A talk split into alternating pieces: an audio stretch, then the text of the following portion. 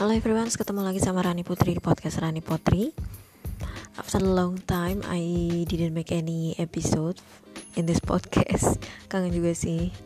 Dan emang lagi kenapa ya? Enggak sih sebenarnya enggak lagi kenapa-napa. There's a little bit uh, enggak little bit sih sebenarnya many things that I have to do. Jadi agak busy itu. Emang beberapa waktu belakangan ini. Dan kali ini uh, I would like to share you about some news. Jadi ini ada satu berita yang worth it to know khususnya masyarakat Indonesia.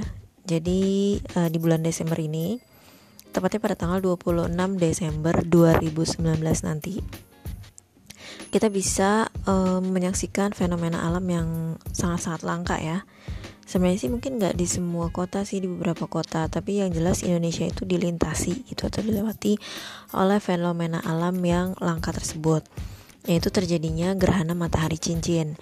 Nah ini di beberapa kota. Jadi kalau dilansir dari tweetnya BMKG atau Badan Meteorologi Klimatologi, ini ada beberapa kota yang disebutkan bakal uh, benar-benar bisa melihat secara jelas gitu uh, fenomena gerhana matahari cincin. Jadi kalau di wilayah Aceh itu ada daerah Sinabang dan Singkil.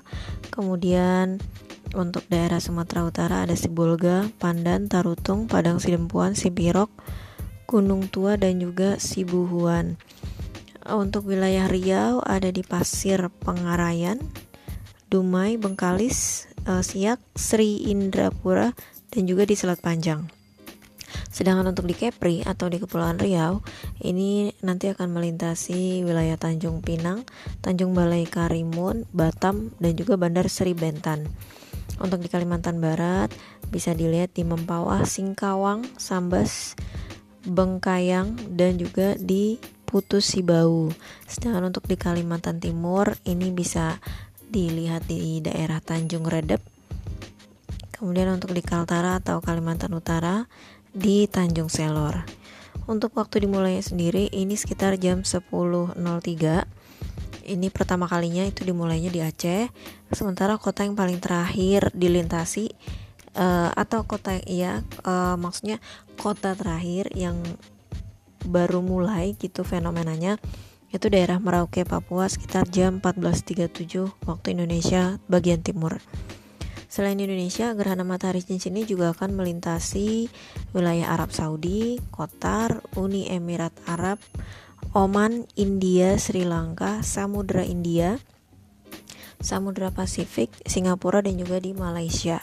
Jadi buat teman-teman yang mungkin lagi berada di luar negeri atau ada rencana mau keluar negeri tapi pengen uh, bisa menikmati fenomena gerhana matahari cincin tadi udah gue kasih tahu ya kira-kira di wilayah mana aja uh, fenomena tersebut bakal terjadi jadi ntar lo bisa ngira-ngira gitu oh enaknya nih gue liburan ke sini aja gitu kan terus untuk gerhana matahari sendiri ini secara umum uh, itu terjadi ketika cahaya matahari terhalang oleh bulan yang dipicu oleh pergerakan dinamis antara matahari, bumi dan juga bulan ya pada fase moon atau bulan baru gitu.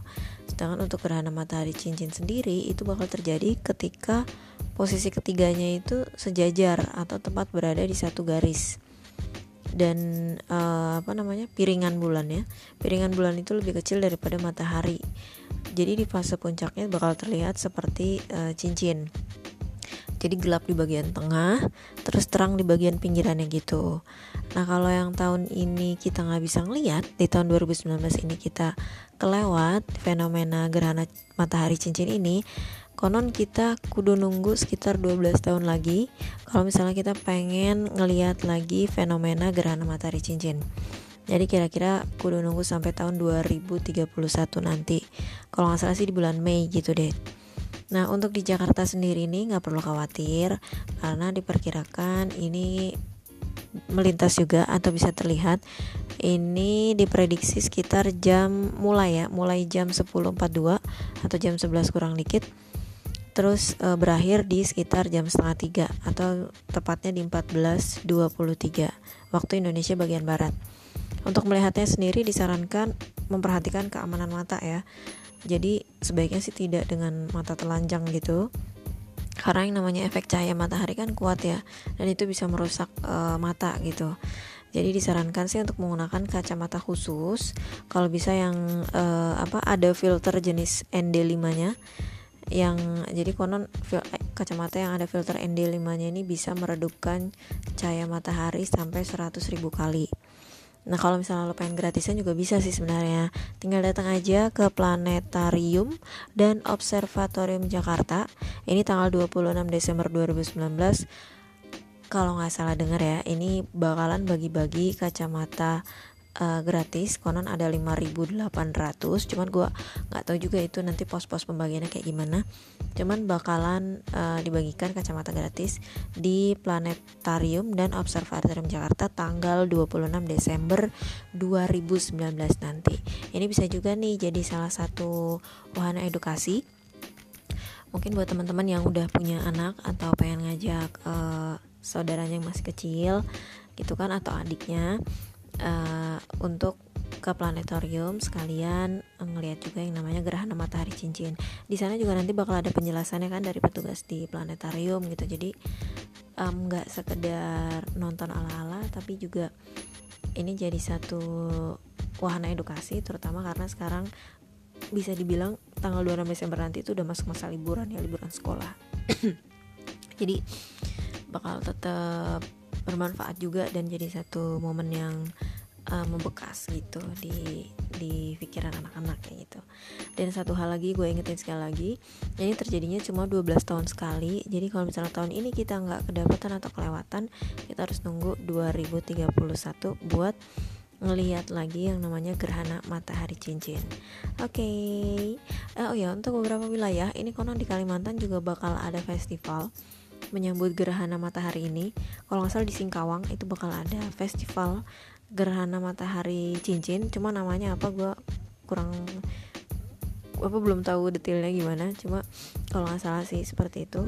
Jadi mungkin teman-teman yang pengen liburan ke Kalimantan bisa jadi satu referensi atau jadi masukin wishlist lah untuk dikunjungi ke daerah Singkawang.